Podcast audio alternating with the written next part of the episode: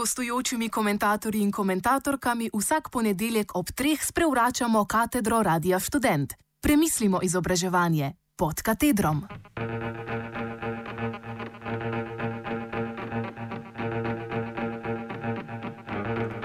O pogojih teoretskega uma.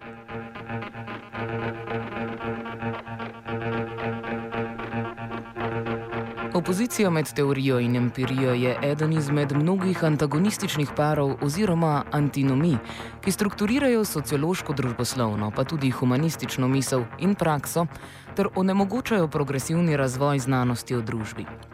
Te antinomije, kot so naprimer opozicije med objektom in subjektom ali materializmom in idealizmom, in so tako produkt zgodovine akademskega polja, kakor vplivov iz drugih sfer družbenega življenja, obstajajo v svoji objektivnosti.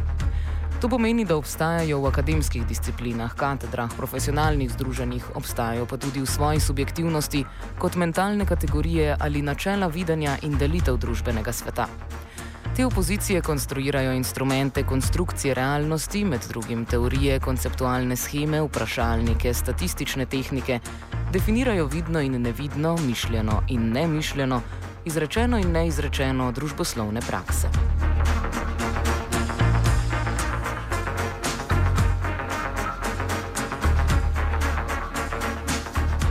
Za Bordjoja je teorija, kakor poveže beseda sama, predstava, ki jo je mogoče opazovati samo z gledišča zunaj prizorišča dogajanja. Ta eksplikacija se in tega niti ne skriva, nanaša na starogrški pomen besede teorija.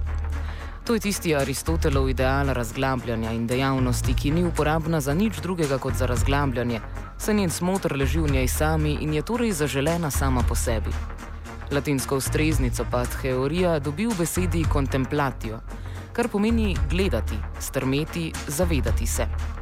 Toda za Bordjoja distanca ne leži tam, kjer jo navadno iščemo, v razmiku med kulturnimi tradicijami, marveč v razmiku, ki loči dve naravnanosti do sveta, teoretično in praktično. Prav s tem je ta distanca tudi dejansko povezana z družbeno distanco, ki jo je treba prepoznati kot tako in razumeti njeno resnično načelo, to je razliko v razdalji od nujnosti.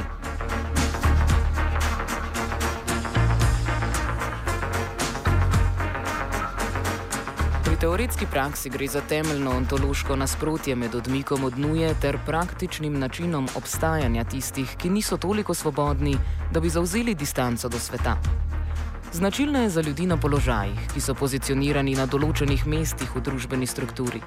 Mestih, s katerimi se družbeni svet kaže kot spektakel, ki ga je mogoče opazovati od daleč in od zgoraj kot reprezentacijo. Bordijo ga je v predelavi Ostina poimenoval scholastično stališče. Gre za pogled, ki svoje družbene pogoje dolguje razvoju relativnega osvobajanja in avtonomizacije znanstvenega polja, za pogled, ki je situiran zunaj nuje praktične situacije in indiferentno ciljem, ki so praktični praksi imanentni, ukvarja pa se s problemi, ki jih ostali ljudje aktivno ali pasivno ignorirajo.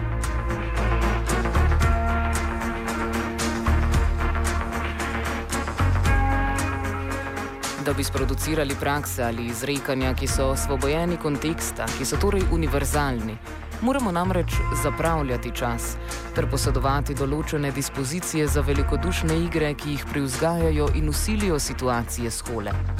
To je naprimer zmožnost postavljati spekulativne probleme zaradi golega užitka njihovega razreševanja in ne zato, ker so pred nas postavljeni urgentno, oziroma kadar jih pred nas postavi nuja življenja. Najviški dosežki znanosti, filozofije, umetnosti, matematike in poezije so namreč privilegij tistih, ki so imeli dostop do vsote povsem specifičnih življenjskih razmer.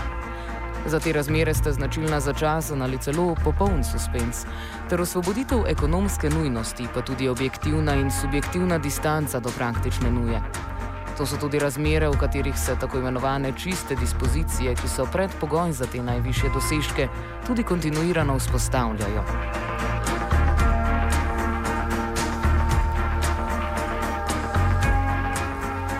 Tudi tako kot Kantov čisti užitek, tako tudi teoretsko stremljenje ali filozofska in matematična kontemplacija predpostavljata zgodovinske in družbene pogoje, ki generirajo, nagrajujejo in spodbujajo užitek, stremljenje in kontemplacijo.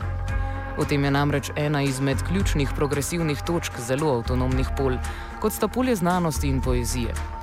Težijo k stanju, ko nimajo več drugih vezi z družbenim svetom, kakor družbenih pogojev, ki zagotavljajo njihovo avtonomijo.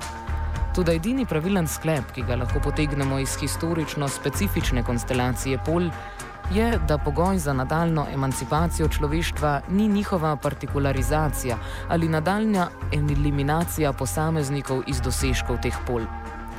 Pogoj dejanske univerzalizacije, univerzalne možnosti oziroma zmožnosti teoretske, umetniške in znanstvene dispozicije je ravno univerzalizacija ekonomskih in družbenih pogojev za njo.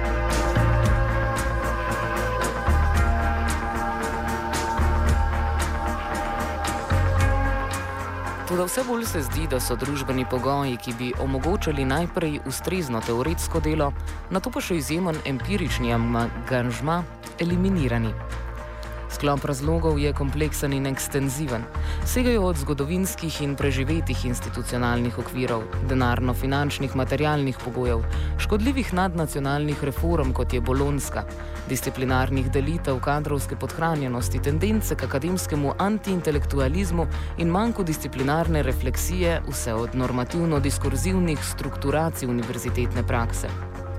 Odgovor na zagate univerze 20. stoletja je z desne že prišel v obliki neoliberalnih prestrukturacij in korenitih regresivnih transformacij.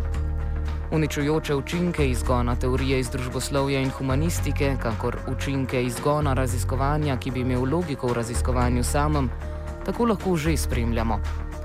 Vidni so v profesorskem in študentskem nerazumevanju in nepoznavanju teoretske tradicije, klasične misli ter zgodovine discipline, nereflektiranih problemih in predmetih uvoženih iz ideoloških praks, nerelevantnih konceptih.